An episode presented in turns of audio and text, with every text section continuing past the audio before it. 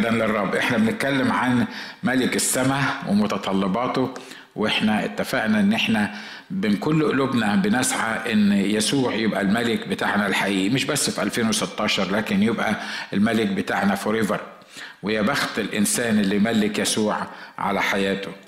وقلنا إن الملك الأرضي ما بيعرفش غير ياخد وبياخد وبياخد وبياخد وبياخد. لكن الملك اللي إحنا بنتكلم عنه ده ملك سماوي. ما يعرفش غير يدي. مع هو مش محتاج حاجة علشان ياخد. هو مش منتظر ياخد مني حاجة. لأن already أنا ما عنديش حاجة أديها له. وكل اللي عندي مهما كان لأن أعمال برنا كلنا عارفين الكتاب وصفها وقال عليها إيه. فإحنا already ما عندناش حاجة نديها له. ما عندناش غير مشاكلنا وبالمصري كده البسيط قرفنا وهمنا واحتياجاتنا وأمراضنا وكل ما فينا كل ما فينا مش هيعمل له حاجة لكن هو عايز ياخد الحاجات دي علشان يقدر يخلينا نعيش صح. وتأملنا مع بعض في خمسة أمور أساسية يطلبها الملك السماوي. الأولانية كانت البنوة والتانية كانت الاستماع والتالتة كانت الإيمان والتصديق والثقة والإيقان. وقلنا إن الإيمان في حاجة اسمها التصديق والثقة والإيمان والإيقان. أنا مش هعيد مرة تاني الكلام. قلنا التصديق هو قبول الإعلان أو الصوت الإلهي إنك تقبل الحاجة اللي بيقولها لك الرب لأن زي ما اتفقنا مرات كتيرة الحاجة اللي بيقولها الرب بتكون أكبر من دماغنا أو في معظم المرات بتبقى أكبر من دماغنا فعشان كده مرات ما بنقبلهاش. وبعدين قلنا الثقة وهي ال ال الثبات الصخري أو الجزء المبني على الجزء الثابت الصخري. المبني على الصخر. واما الإيمان فهو الثقة بما يرجى والإيقان بأمور لا ترى. واتكلمنا عن الإيقان اللي هو الإثبات بالأدلة أو قوة الثبات على المعتقد والثقة على أساس الدليل الراسخ القاطع. وقلنا انه إنه الإيمان ليه فوائد. الإيمان ما هوش على فكرة ما فيش حاجة في الصيدلية اسمها إيمان. وما فيش حاجة تقدر تشربها تلاقي تزود إيمانك. والايمان أنواع مش هنتكلم فيه بالتفصيل لكن أنا بتكلم عن إيمان الثقة مش إيمان اللي خلصني. الإيمان اللي خلصني واللي خلصك في شخص الرب يسوع إحنا كلنا متساويين فيه. كلنا كلنا. لأنه بالنعمة أنتم مخلصون بالإيمان وذلك ليس منكم هو عطية الله. فبالإيمان دي الإيمان ده النوع بتاع الإيمان الخلاصي ده وخلصني اللي كان بسببه إن أنا خلصت وعرفت المسيح مخلص شخص لحياتي كلنا متساويين فيه في هذا المقدار وكلنا متساويين زي ما قلنا فيه. لكن في إيمان أبعد من كده بعد ما تقبل يسوع المخلص الشخص لحياتك في الإيمان السلوكي أو الإيمان العملي اللي بيقودك في حياتك الروحية وده إحنا مش متساويين فيه. في ناس عندهم إيمان أكتر من إيمان ناس تانيين. بغض النظر لأن مش هنخش في كل التفاصيل وإلا هناخد السنة الجاية كلها عن الإيمان. ال ال الأسباب وليه إن في ناس عندها إيمان زيادة وناس ما عندهاش إيمان زيادة. آه شوف الإيمان الخلاصي زي ما اتفقنا إيمان ثابت كلنا متساويين فيه كلنا ممنوح لينا الكلام ده من الرب. الإيمان العملي اللي إحنا بنعيش بيه ده إيمان أنت محتاجه بتدريبات معينة وبطاعة معينة للرب وبعشرة وبقرب من كلمة الرب وكل ما تقرب من كلمة الرب زي ما قال الكتاب الإيمان بالخبر والخبر بكلمة الله. فكل ما تقرب من الكتاب وتقرب من عشرة الرب وتعيش في المحيط بتاعه إيمانك يبتدي يعلى وهو ياخدك في طرق مختلفة تبان إنها صعبة جدا عن إنك تأوفركم أو تتغلب عليها وبالتالي يكبر إيمانك خطوة خطوة خطوة خطوة لغاية ما يبقى فعلا مش هتوصل في النهاية يعني للإيمان الالتيميت الكلي لأن إحنا يعني لما نقابل الرب يسوع هيحل المشكلة دي لكن في النهاية إحنا يبقى عندنا إيمان زي ما قال الكتاب ندعو الأشياء غير الموجودة كأنها موجودة. أمين. تقول لي يا سلام هو فين الكلام الحلو اللي أنت بتقوله ده؟ يا ريت يكون عندي يا ريت أنا أكون مليان بالإيمان ده. أجيبه إزاي؟ زي ما اتفقنا. نجيبه إزاي؟ بالوجود في محضر الله في كلمة الله. نقبل التدريبات الإلهية لأن مفيش إيمان مفيش زيادة في الإيمان من غير تدريبات إلهية. مفيش إيمان يزيد من غير زنقات. عارف الزنقات عارف المحكات عارف الصدمات. مفيش مفيش مفيش مفيش إيمان مفيش حاجة اسمها إنك أنت إيمانك يرقى وأنت قاعد في البيت وأنت ما بتعملش حاجة. وأنا ما عنديش تحديات في حياتي. وأنا ما عنديش احتياجات. وأنا ما عنديش مشاكل. مفيش. ما سمعتش عنه. يعني لو كان فيه كان يبقى حاجة هنا يا ريت كان يبقى فيه الموضوع ده لكن إيماننا بيكبر من إيه؟ إن الرب بياخدنا في امتحانات وفي اختبارات وفي ضيقات وبيمشينا خطوة خطوة وكل خطوة تطلعها تلاقي نفسك قدامك خطوة تاني عايز تطلعها وبعدين قدامك خطوة تاني عايز تطلعها وهكذا ده اللي عمله مع كل الناس في الكتاب واللي بيعمله مع كل الناس الأيام دي. حتى لما ابتدى بإبراهيم تخيلوا معايا لو إبراهيم أول مرة يسمع فيها صوت الرب وكان عنده ولد والرب قال له كده خد ابنك وحيدك الذي تحبه إسحاق وقدمه لي محرقة. تفتكروا كان إبراهيم ممكن ببساطة يقدم الواد في أول مرة يتكلم فيه معاها الرب؟ متهيألي لا. مش كده برضو؟ لكن اللي حصل إيه؟ إن الرب خده في خطوات معينة وفي ثقة وفي إيقان وفي إيمان لغاية ما وصل للمرحلة اللي يقول له اذبح فيها ابنك. مرات كتيرة بنبص لمشاكلنا واللي بيحصل معانا والضيقات بتاعتنا على ليه يا رب؟ ليه بتعمل معانا كده؟ هو أنت مش فاكر الله إحنا هو مفيش في دماغك الله أنا هو أنا بس أطلع من مقلب اخش في التاني. هو يعني إمتى هستريح أنا من القرف اللي أنا عايش فيه ده. قلت الكلام ده قبل كده ولا ما قلتوش؟ متهيألي معظمنا قلناه مش كده ولا إيه؟ ها؟ وحتى لو ما رفعتش إيدك شو بس أنا زيك فأنا عارف أنا اللي. اللي بنقوله واللي ما بنقولهوش. وبعدين بنبص للي بيحصل في حياتنا بطريقة مختلفة. أنا مش عارف ليه إبليس مركز عليا وربنا واضح إن هو سايبني وبتحط في المواقف دي وبيحصل معايا كذا وبيحصل معايا كذا. وبركز بدل ما أركز في إن الله عايز ياخدني من مجد المجد ومن قوة لقوة ويوصلني لمرحلة فيها يزيد إيماني علشان أدعو الأشياء غير الموجودة كأنها موجودة ببص لها على أساس إنها نقمه من الله وغضب منه ومشاكل بتحصل والمؤمن مصاب وإحنا لازم نكون شايلين الطين كمؤمنين طول عمرنا في الحياة دي ما إحنا مؤمنين. وعلى حسب ما بتشوف اللي بيحصل معاك على حسب ما بتشوف النتيجة في الآخر. لما تحس إن ربنا حطك في الظروف دي عشان عايز ينتقم منك هتعيش في اكتئاب وهتعيش بتلف حوالين نفسك. ويمكن يمكن يمكن يعني تكره نفسك واللي حواليك ويمكن تكره ربنا كمان. أنا بتكلم عن مؤمنين مش كده؟ وتحس إنه دايما قاعد زي ما بيقولوا بالإنجليزي ان يور كيس يعني هو هو مركز عليك هو مركز عليك أنت.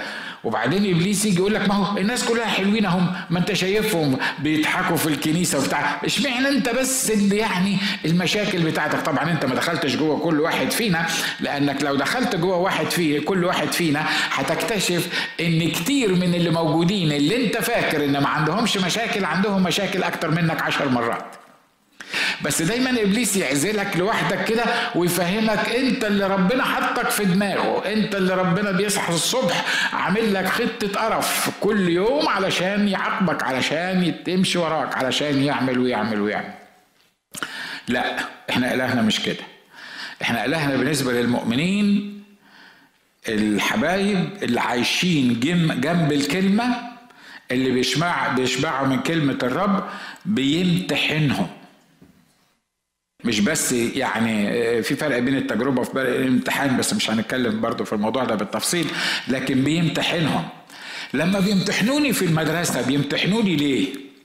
أكيد المدرس بتاعي ده قال لك الواد ناجي ده واد شاطر وإحنا عايزين نسقطه فهنعمل إيه؟ ندخله الامتحان وأنا بتمنى من كل قلبي إنه يسقط ولما يسقط نعيده السنة حد من المدرسين بيفكر بالطريقة دي؟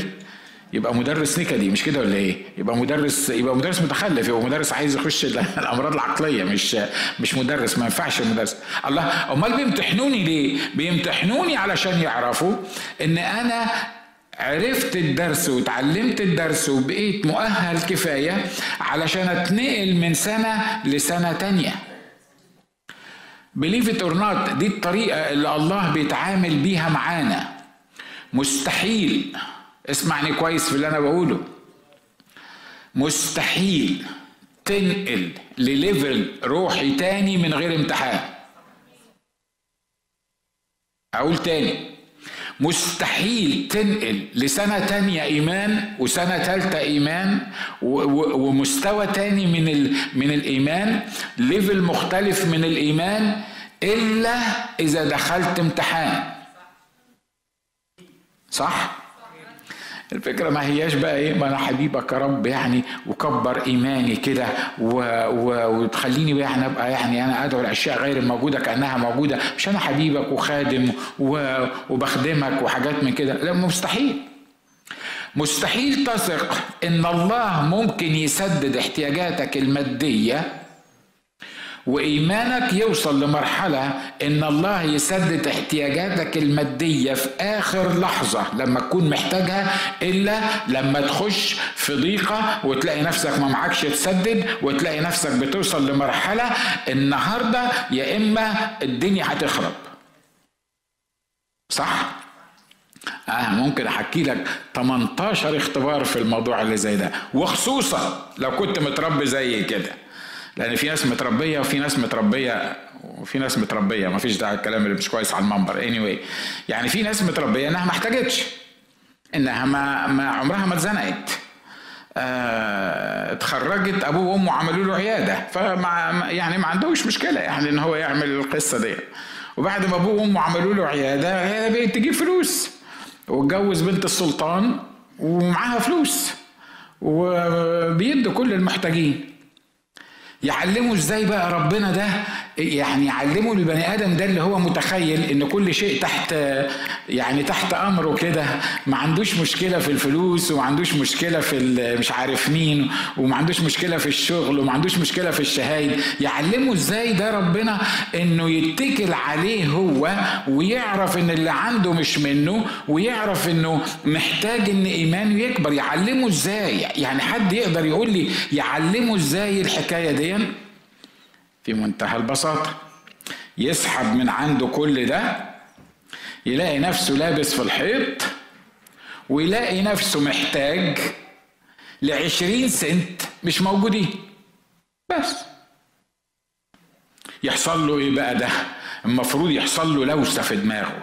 يحصل له. ما هو بيحصل حاجة من الاثنين يا إما مش عايزك وابعد عني وخلصنا وأنا أتكل على قدرتي. وطبعا كلنا فاكرين إن إحنا يعني ممكن نعمل وحاجات من كده. يا إما يعمل إيه؟ يحطك في الزنقة اللي زي ديا ويسيب العدو. خلي بالك من اللي أنا بقوله. ويسيب العدو يجي يهمس في ودانك ويقول لك أه مشيت وراه. أديك عملت قسيس أديك عملت خادم أديك سبت النعيم اللي أنت كنت موجود فيه أديك بعيد عن أبوك وأمك وإخواتك واللي مش عارف مين أديك موجود دلوقتي. إيه اللي حصل معاك يا حلو؟ كنت زمان بتدي كنت زمان معاك فلوس كان زمان الدنيا كلها بتتكلم عليك النهارده أنت مش لاقي في جيبك عشرين سنت. حد حصل معاه القصة دي؟ مش 20 سنت. يمكن انت كنت محتاج 10 دولار بس أنا بتكلم عن نفسي. أنا اللي كنت محتاج 20 سنت by the way وقت من الأوقات. ولما يجي يقول لي كده وأحس إن أنت اللهم أخزيك يا شيطان ابعد عني يا شيطان ابعد عني يا شيطان. هو أنت سايبني ليه في الوضع اللي زي ده؟ إزاي ممكن أكون بمشي في, في وضع زي ده؟ يعني عايز مني إيه أنت؟ عايز مني إيه تاني؟ عشرين سنت مش لاقي عشرين سنت. على حسب ما تبص للموقف اللي انت ماشي فيه على حسب ما الموقف يتحل وإيمانك يعلى. لو انت كنت واثق إن إلهك هياخدك go through with you في في المرحلة دي أو في في المكان ده أو في ال stage ده وركزت عليه هو مش على احتياجاتك وركزت عليه هو مش على مرضك وركزت عليه هو مش على على الضيقة اللي انت ماشي فيه. وبصيت فيه مستحيل الله ما يسددش احتياجاتك وما يتدخلش في أمورك. يسوع ما يقدرش ما يعملش كده. حد مصدقني؟ ها؟ تقول لي انت بتقول إيه؟ بتقول يسوع ما يقدرش؟ آه ما يقدرش. هو في حاجة يسوع ما يقدرش عليها؟ آه ما يقدرش. الله إزاي يحصل الكلام ده؟ عارف ثبت عينيك عليه ويفضل باصص له ويقول له أنا دي أنت وعدت بالموضوع ده وأنا عايزه. ثبت عينيك عليه ما يقدرش يبعد عينيه عنك ما يقدرش ما ينفذش طلباتك ما يقدرش ما يزودش إيمانك ما يقدرش ما ياخدكش من level ل level أعلى منه لأن هو إله أمين بيلزم نفسه باللي وعد هو بيه. علشان كده ما يقدرش إنه يعمل حاجة غير اللي هو وعد إن هو هيعملها. وده الإله اللي أنت تثق فيه وتؤمن بيه. بصوا يا إخوة أخوات في فرق بين الصوت العالي والميكروفونات المتظبطة. نشكر الله من أجل الأخ خالد وخدمته في الصوتيات والأخ رواح وغيرهم. آه وفي فرق بين المحكات العملية. الكلام على المنبر سهل والتزعق يا سلام أسهل منه مفيش. وتحكي قصص أجمل منها مفيش. لكن لما تتزنق في الموقف معرفش بقى بتفتكر المنبر ولا ما بتفتكروش وبتفتكر صوتك العالي ولا ما بتفتكر أنا بكلم عن نفسي ها؟ أنا مش بتكلم عليك. أنت راجل يعني نشكر الله من أجلك بس أنا بتكلم عن نفسي. مرات كتيرة أقول لنفسي كده لما لما يجي موقف معين وموقف محتاج إيمان وألاقي نفسي بصراحة وصلت لمرحلة مرات أقول له إيه؟ ما تفتكر نفسك وأنت واقف على المنبر وحاطط إيدك في جيبك وعمال تزعق وتقول الرب مش عارف بيعمل إيه والرب بيسوي؟ عايز أقول لكم لما بقول لنفسي كده وبعلم نفسي كده وبعيش بعيش بحاول أعيش بالمنظر ده صدقوني اللي بخدم بيه هنا واللي بوعظ بيه واللي أنت بتسمعه مني بيحصل في حياتي وأنا متأكد إنه بيحصل في حياتك. آمين؟ إحنا مش ناسيين ان إحنا تراب نحن نعلم اننا تراب. وعارفين ان إحنا امكانياتنا ضعيفة. لكن الروح القدس في العهد الجديد ما طلبش مننا حسب امكانياتنا. ليه؟ في العهد القديم كان بيطلب من الناس حسب امكانياتهم. اللي يقدر الواحد يعمله يعمله. يقول له بص الحل بتاع الموضوع ده تجيب خروف تروح تذبحه تحط إيدك عليه تتنقل الخطية تفضل نجس لغاية بالليل ولا تفضلي نجسه لغاية سبعة أيام وبعد السبعة أيام تروحي للكاهن تقدمي الذبيحة تبقي خلاص. وانت مش عارف تعمل إيه وبعد يوم تبقى مش عارف شكلك إيه. وخلاص. تعمل القصة دي يبقى يبقى تمام. انت نفذت الوصية وقدمت الذبيحة. كنا متخيلين إن الرب يسوع لما يجي هيخفف شوية من النير بتاع العهد القديم. يعني كنا متخيلين كده. لكن طلع يسوع لما جه ما خففش من النير بتاع العهد القديم.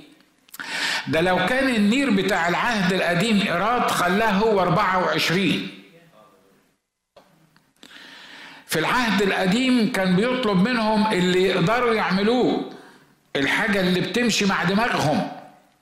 في العهد الجديد بيطلب مننا ما لا يمكن أن يستطيع الإنسان أن يعمله. يقول له أحبوا أعداءكم باركوا لاعينيكم أحسنوا إلى مبغضيكم. أحسنوا إلى مبغضيكم. يعني إيه؟ يعني تصرفوا معاهم كويس ساعدوهم لو هم مزنوقين آه، آه، حلوا مشاكلهم لو عندهم مشاكل. ده مين دول؟ مبغضينا. أنت واخد بالك؟ واخد بالك من اللي بيتقال؟ ها؟ أحسنوا إلى مبغضيكم. يعني جارتي دي ولا جاري ده اللي بيبغضني من كل قلبه اللي مش عايز يشوفني اللي الصبح لما بيشوفني بيطلع من بقه دبش آه، عليا. اللي اللي طول النهار بيتعب فيا اللي طول الليل بيعمل فيا مش كان احسنوا إلى مبغضيكم صلوا لأجل الذين يسيئون إليكم ويضطهدونكم لا ده العهد القديم كان أحسن بقى. ده العهد القديم كان أحسن. ده أنا كنت أكسر له رقبته وأروح أقدم ذبيحة وخلصنا مش كده ولا إيه؟ ها؟ الله. أمال إيه اللي حصل؟ إيه اللي حصل في العهد الجديد؟ حصلت حاجة رائعة جدا. الله بيطلب منك إمكانياته هو تتنفذ فيك. تقول يعني حد يقدر يحب يبارك مبغضيه ويحسن إلى مش مبغضيه ويبارك لاعينيه والكلام ده؟ آه يقدر. على فكرة مش هيقدر بنفسه لكن هيقدر بإيه؟ بالروح القدس اللي بيسكن فينا عشان كده الله بيحط قوانين في العهد الجديد بيطلب من الروح القدس ينفذها فيك. تقول يبقى أنا أنا بعمل إيه بقى أنا في الموضوع ده؟ حاجتين. تصدق القصة اللي أنا بقولها ديا وتدي للروح القدس فرصة إنه يعمل كده فيك. بس. بسيطة. عشان كده لازم نفهم إنه موضوع زيادة الإيمان ده أنا عارف إن ناس كتيرة بتصلي فيه. يا رب زد إيماننا. يا رب زد إيماننا. سمعت كم واحد بيصلي الصلاة دي؟ أو يعني أنت صليتها في يوم من الأيام. يا رب زد إيماننا. زد ايماننا إحنا مرات حتى بن بنكرر الآيات الكتابية زي البغبغانات. إحنا مش واخدين بالنا إيه اللي بيحصل يعني. زد ايماننا يا رب عايزين إيمان. يا رب قوي إيماننا. حتى لما بيسلم عليك حد المسلمين يقول لك الله يقوي إيمانك. هو مش اني anyway. يعني عارف يعني قوي إيماننا وزد إيماننا وزد مش عارف مين. وإحنا مش أصلا مش فاهمين إحنا بنطلب إيه. ده إحنا بنطلب مصيبة. ليه؟ لأن علشان يزيد إيماننا زي ما قلت لازم تخش في محكات تزود إيمانك. لو ما دخلتش في المحكات اللي إحنا بنتكلم عليها إيمانك هيفضل زي ما هو. بس الحاجة الرائعة جدا إن الإيمان ده عامل زي السلم. عارف درجات كده. كل ما تنجح وتطلع الدرجة الأعلى تبص للأمور اللي تحت تلاقيها أصغر. صح؟ وكل ما تطلع درجة أعلى تحس إنه لا ما خلاص بقى ال ال ال انت منفصل عن الأرضيات دلوقتي. انت انت واخد بالك من اللي بيحصل معاك. ال ال الدرجة الرابعة غير الدرجة الخامسة غير لما تطلع على السلم ونشكر الله إن السلم ملوش حدود. السلم من الأرض لغاية السماء. كل ما تطلع على السلم ده تحس إنك انت انت اللي مسيطر على الموضوع. انت اللي شايف كل حاجة من من من تحت. انت اللي بقت المفاهيم بتاعتك متغيرة. الإيمان ده بيغير دماغك بيغير بيغير مفاهيمك بيخلي الحاجات الصغيرة اللي كانت زمان بتبقى واقفة قدامك وبتخليك تبقى مرعوب ومش عارف تنام وحاسس إن مصيبة سودة حاصلة في حياتك ولازم ربنا يتدخل والإخوة لازم يصلوا علشانك ولازم حد يساعدك بطريقة أو بأخرى. بص تلاقي نفسك ابتديت تكبر تكبر تكبر تكبر تكبر لما تشوف الحاجات دي تعرف كمان عدينا في الموضوع ده 100 مرة. كم احتياج سدده الرب وكم مرض شفاه الرب وكم ضيقة أفرجها الرب وياخدنا من من من مجد إلى مجد ومن قوة إلى قوة عشان يصنع بينا المستحيل. الإيمان ده مش عشان يتوعظ بيه. الكلام اللي إحنا بنقوله ده مش بس عشان يتوعظ بيه يعني ونقوله لبعض. الحياة دي عشان تتعاش. ما تقدرش تعيش حياتك العادية الطبيعية إن ما كانش عندك ثقة ويقين وإيمان في إله يدعو الأشياء غير الموجودة كأنها موجودة. أمين؟ أنا عارف إن إحنا بنمشي شهور ويمكن أسابيع ويمكن سنين ولا واخدين بالنا من اللي إحنا بنقوله ده. وهي ماشية يا أخ ناجي الوظيفة؟ هي الوظيفة. ونشكر الله زودوني خمسين سنت والأسبوع اللي جاي هيزودوني كمان خمسين سنت. والموضوع ماشي. والولاد هم بيكبروا لوحدهم. والسيارة لسه ما باظتش. فاضل لها ثلاث سنين وتخ... يعني عارف الدنيا ماشية. الدنيا ماشية. الدنيا ماشية. بتاع اللي أنت بتقوله ده اللي اسمه الإيمان ده ما إحنا مش محتاجينه. بس لما لما تراجع اللي أنا بقوله ده تلاقي نفسك واقف عند حد معين ما تقدرش تطلع منه. لو ما خدتش بالك من تدريبات الإيمان اللي موجودة في حياتك ما تقدرش تطلع من مستوى روحي معين من من ليفل معين أنت عايش فيه. لكن لما الله يقرر إنه يعمل حاجة جديدة في حياتك يبقى عايز يطلعك سلم جديد. مرة أخيرة أقول لك مفيش طلوع لدرجه واحدة على السلم إلا بتدريبات روحية. وكل واحد بقى وعلامه زي ما بقولوا كل واحد هو اللي يقدر يعني يقبله من الرب والرب يقود. الإيمان والثقة دي فيها فوائد. واحد إنه يعطي صبر وانتظار. اتنين يعطي ثبات وانتصار. ثلاثة يعطي نتائج وإثمار. يعطي صبر وانتظار في حبقوق اتنين تلاتة بيقول لأن الرؤيا بعد إلى الميعاد وفي النهاية تتكلم ولا تكذب إن توانت فانتظرها لأنها ستأتي إتيانا ولا تتأخر الإيمان هو إيه؟ إنك تنتظر وعد الرب بثقة كأنه حصل أمين؟ الإيمان يخليك تعمل إيه؟ يخليك تصبر يخليك تنتظر. طبعا زي ما قلنا قبل كده مرات كتيرة إحنا العالم اللي إحنا عايشين فيه عنده هدف واحد بس إنك لا تصبر ولا تنتظر. مش كده؟ أي حاجة لازم تحصل بال remote control. بال remote control. وأنت قاعد قدام ال couch كده تمسك البتاع ده. آه زمان يمكن أكيد قلت الكلام ده قبل كده. زمان كان عندنا تلفزيون الكبير ده وكان في إيد كده يقول لك تك تك تك تك تك تك فاكر حد كان عنده التلفزيون العجيب ده؟ آه تحس إنه ثلاجه كده مش مش البتاع آه وبعدين تغير الشاشة تك تك تك, تك. هم كانوا يعني اثنين شانل. صدام حسين كان موجود في واحدة ست ساعات أو ثمان ساعات في اليوم شفته بعينيا. والثانيه مش عارف كان في إيه. هم اثنين مش كده؟ وإحنا نشكر الله في القاهرة في مصر برضه كان عندنا القناه الأولى والقناة الثانية دي كانت تبقى مصيبة لو عندنا القنوات الكتيرة دي وعندنا بتاع تك تك تك تك تك ده. ده إحنا كنا هنعيش طول عمرنا نتكتك بقى في في في الموضوع ده. لكن ال ال إحنا مش واخدين بالنا إن العالم بيشكل دماغنا بطريقة معينة بيأثر بيها علينا في حياتنا الروحية. ومش هقعد أفلسف لك الأمور وأقول لك هو العالم أصلا بيعمل كده آه علشان يأثر علينا في حياتنا الروحية. لا العالم مش واخد باله منك ولا من حياتك الروحية ولا تفرق معاه أنت ولا أنا ولا حياتنا الروحية. لكن العالم في اختراعاته إبليس بيستخدم الاختراعات دي علشان يأثر بيها على حياتنا الروحية في حاجات مش الأفلام ولا مش عارف مين الكلام الكبير ده وكله بيأثر. لكن حتى في الصبر حتى في الإيمان حتى في الانتظار العالم قدر ينجح بأن إحنا عايزين نعمل حاجة بالريموت كنترول. صح؟ زمان اللي كان عايز يتثقف ويقرأ ويشغل نافوخه ما كانش فيه قدامنا حاجة غير الكتب. فكنا نحوش الملاليم اللي معانا ونروح في معرض الكتاب عشان نجيب كتب. ولما كان حد يجيب لك كتاب هدية كانت تبقى اختراع صح ولا ولا مش كده برضه على أيامي. أنتوا أيامكم نشكر الله من أجلها الشباب الصغيرين. دلوقتي الموضوع مش كده. دلوقتي الموضوع مش كده. دلوقتي إحنا في الفيسبوك وفي اللي مش عارف مين والقصص دي كل حاجة على طول. عايز أكلم واحد في مصر بروح أروح على طول المسج توصل له. زمان ما كانش فيه غير الجوابات.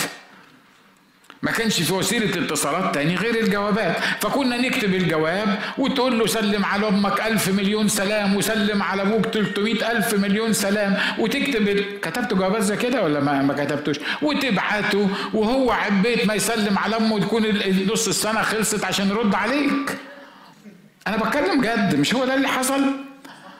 وكنا يا أخي كنا عايشين ومش عارف ما, ما عندناش مشاكل. النهارده بنحط الإعلان على البتاع ده يقول لك من فضلك اقفل التليفون بتاع السيلفون بتاعك وانت بتسيبه مخصوص عشان يرن لأنك مش قادر تستنى لحسن. مش عارف مين يتصل بيك وانت في الاجتماع فلازم تطلع تجيبه من الاجتماع وت... إيه اللي حصل؟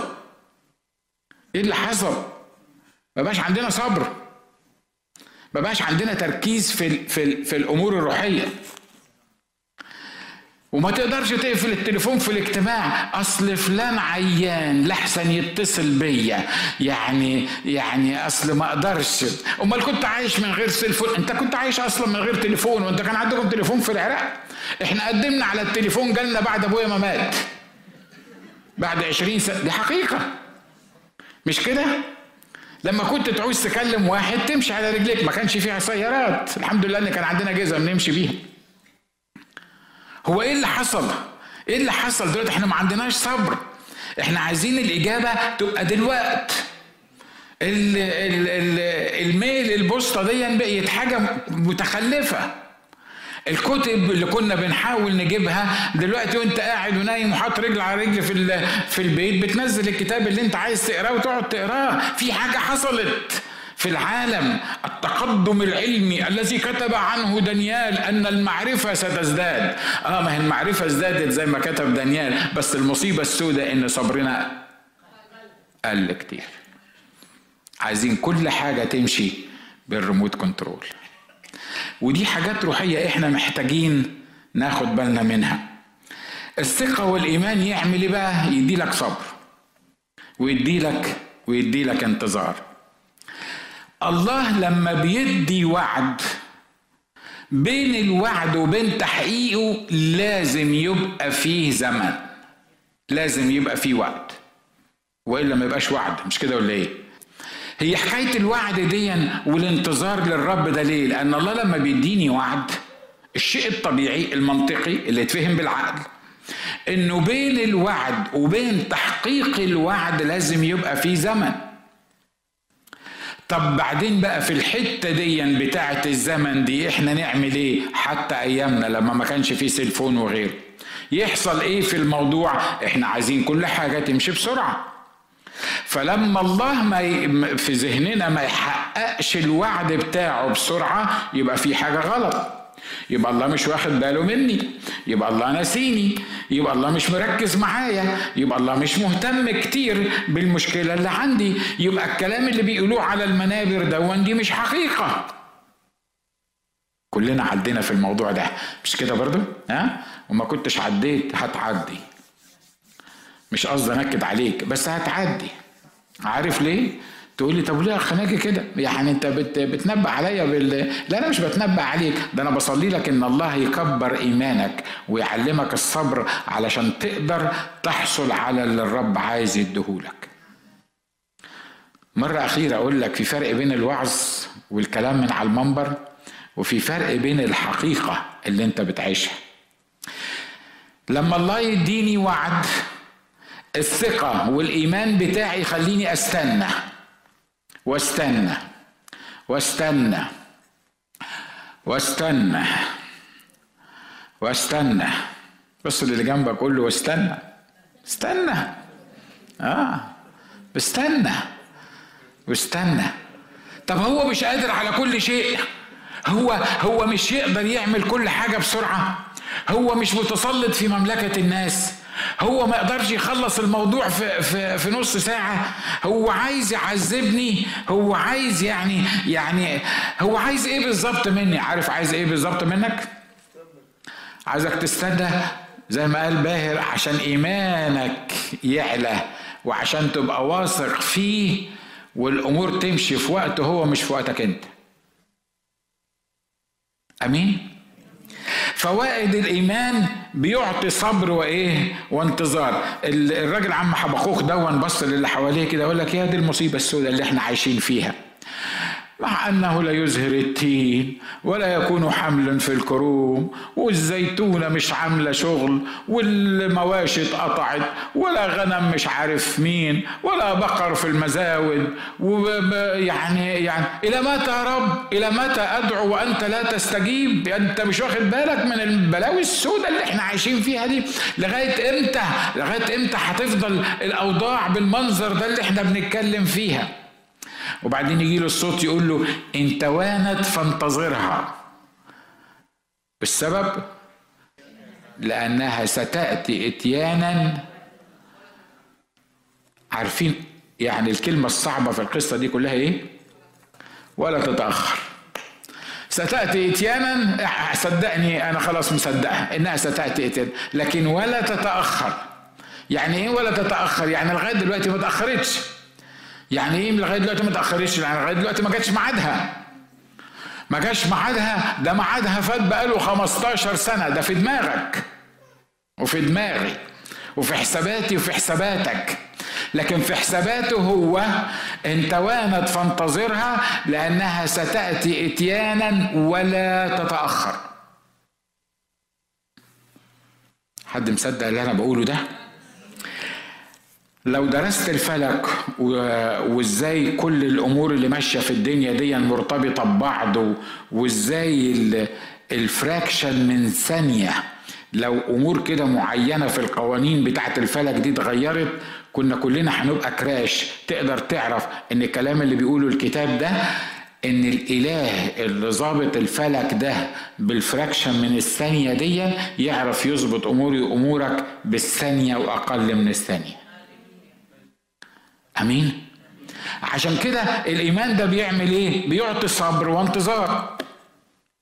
كم واحد فينا محتاج للصبر والانتظار متهيألي كلنا. مش كده؟ آخر مرة أقول لك يقول لي ده أنا صبرت لما ده أنا لما خ... ده أنا مش مش عارف أصبر إيه تاني. مش عارف أعمل إيه تاني. لا لسه. لأنها ستأتي إتيانا ولا تتأخر. مش هتتأخر. دي اتأخرت. لا ده في دماغك. اتأخرت في دماغك لكنها ما اتأخرتش. أمين؟ الحاجة التانية بيعطي ثبات وانتصار. ويل أنا كتبت شوية حاجات أنتوا بقى توعظوا نفسكم بيها. دانيال والفتية الثلاثه وأتون النار وال والقصة دي. الإيمان إن لينا إله ينقذنا من يدك.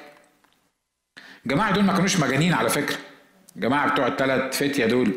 ما كانوش مجانين يعني ولا ما كانوش يعني متحمسين بقى وعارف إحنا لازم نثبت للملك إن إحنا لينا إله وبتاع. لا يا حبيبي قدام النار لا هتثبت ولا هتعمل قدام النار هتعمل فرخة تاخد بعضك وتجري. قدام المواقف كلنا بنتكلم وممكن تزعق وتقول اللي أنت عايزه لكن المحكات العملية هي اللي بتبين الموضوع.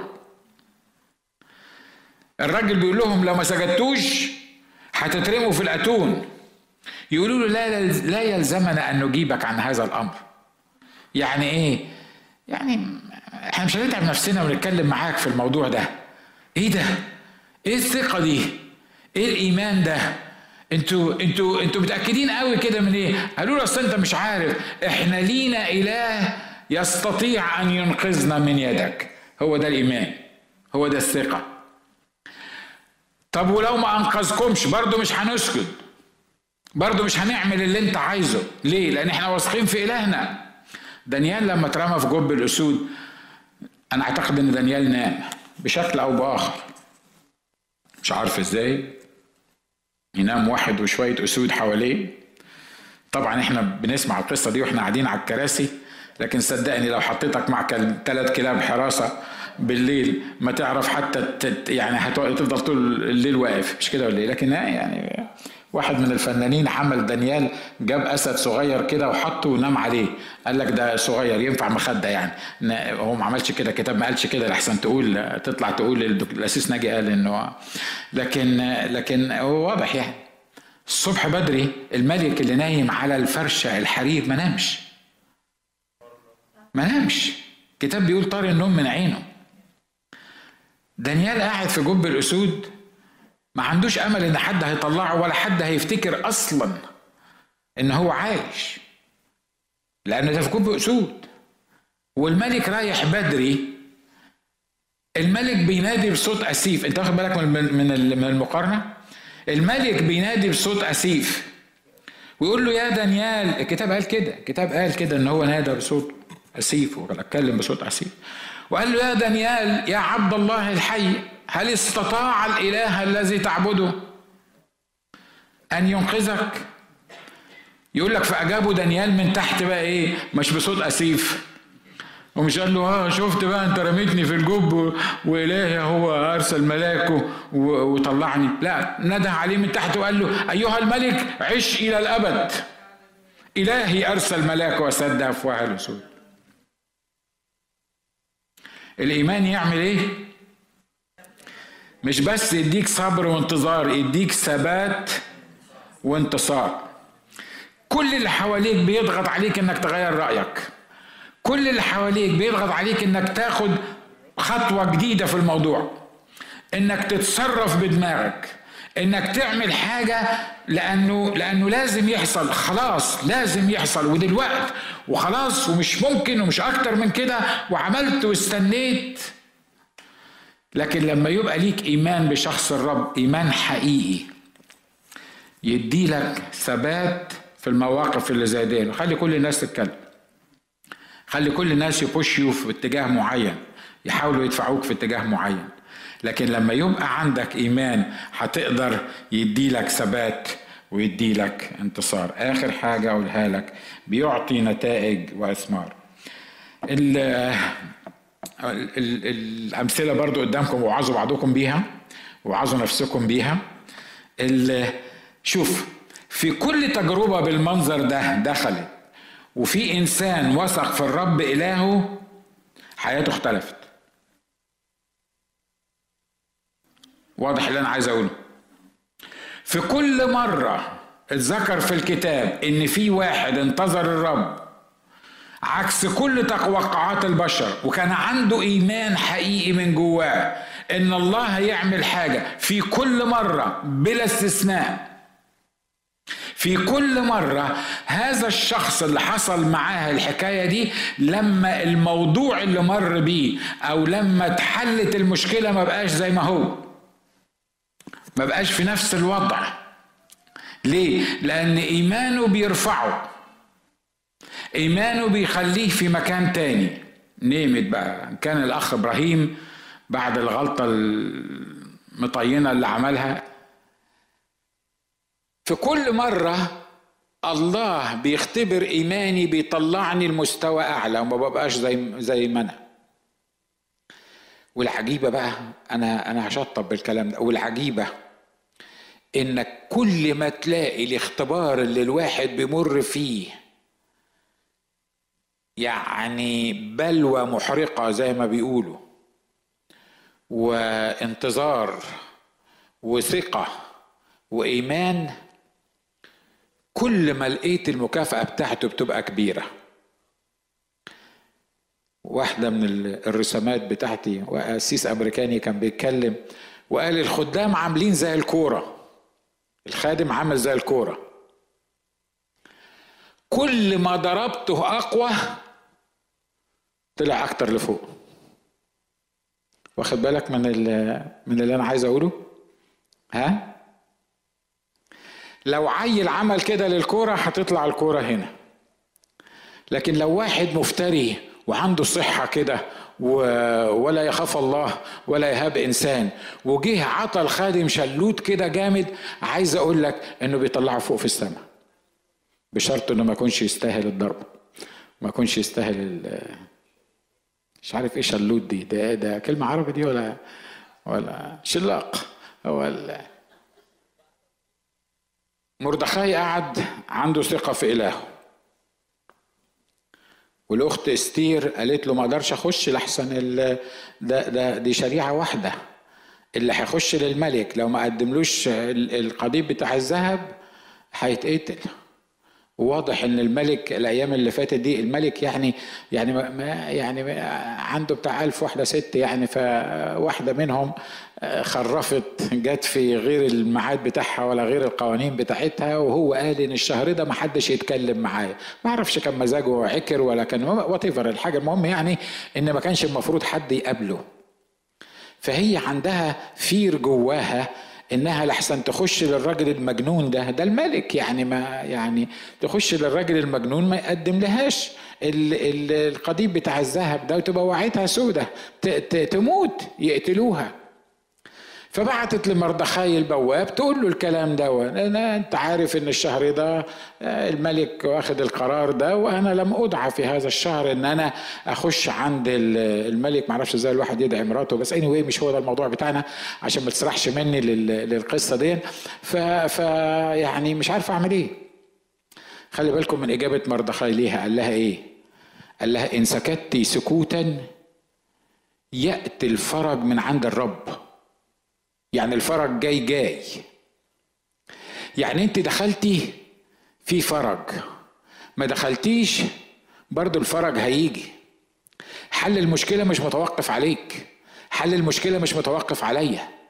حل المشكلة مش متوقف how smart I am إزاي أقدر ا handle الأمور دي حل المشكلة متوقف على الكلمة اللي هو يقولها. فعشان كده بيقول لها بيقول لها الكلام ده لأن سكت سكوتا. هيجي الفرج من باب تاني وانت وبيت أبوك اللي هتهلكوا وجي ولا ما جاش؟ كان واثق كان واثق كان واثق إن الفرج جاي. وده الإيمان ببساطة الثقة بما يرجى والإيقان بأمور لا ترى. احني راسك معايا قول له علمني الإيمان ده. مهما قعدنا نتكلم فيه مهما قعدنا نشرحه مهما قعدنا نفصل فيه مهما قعدنا نجيب أمثلة أمثلة كتابية وغير كتابية مهما قلنا مهما عدنا إحنا مش هنقدر نوصل لعمق الكلمات الوحي الإلهي. لكن إحنا النهاردة بالإيمان عايزينك تقودنا بالإيمان عايزينك تعلمنا الإيمان. والجميل إنك لما بتعلمنا الإيمان حتى لما بنخش في محكات وضيقات وتجارب أنت ما بتسيبناش. أنت ما بتسيبناش. بالعكس أنت بتقودنا. أنت بتقودنا.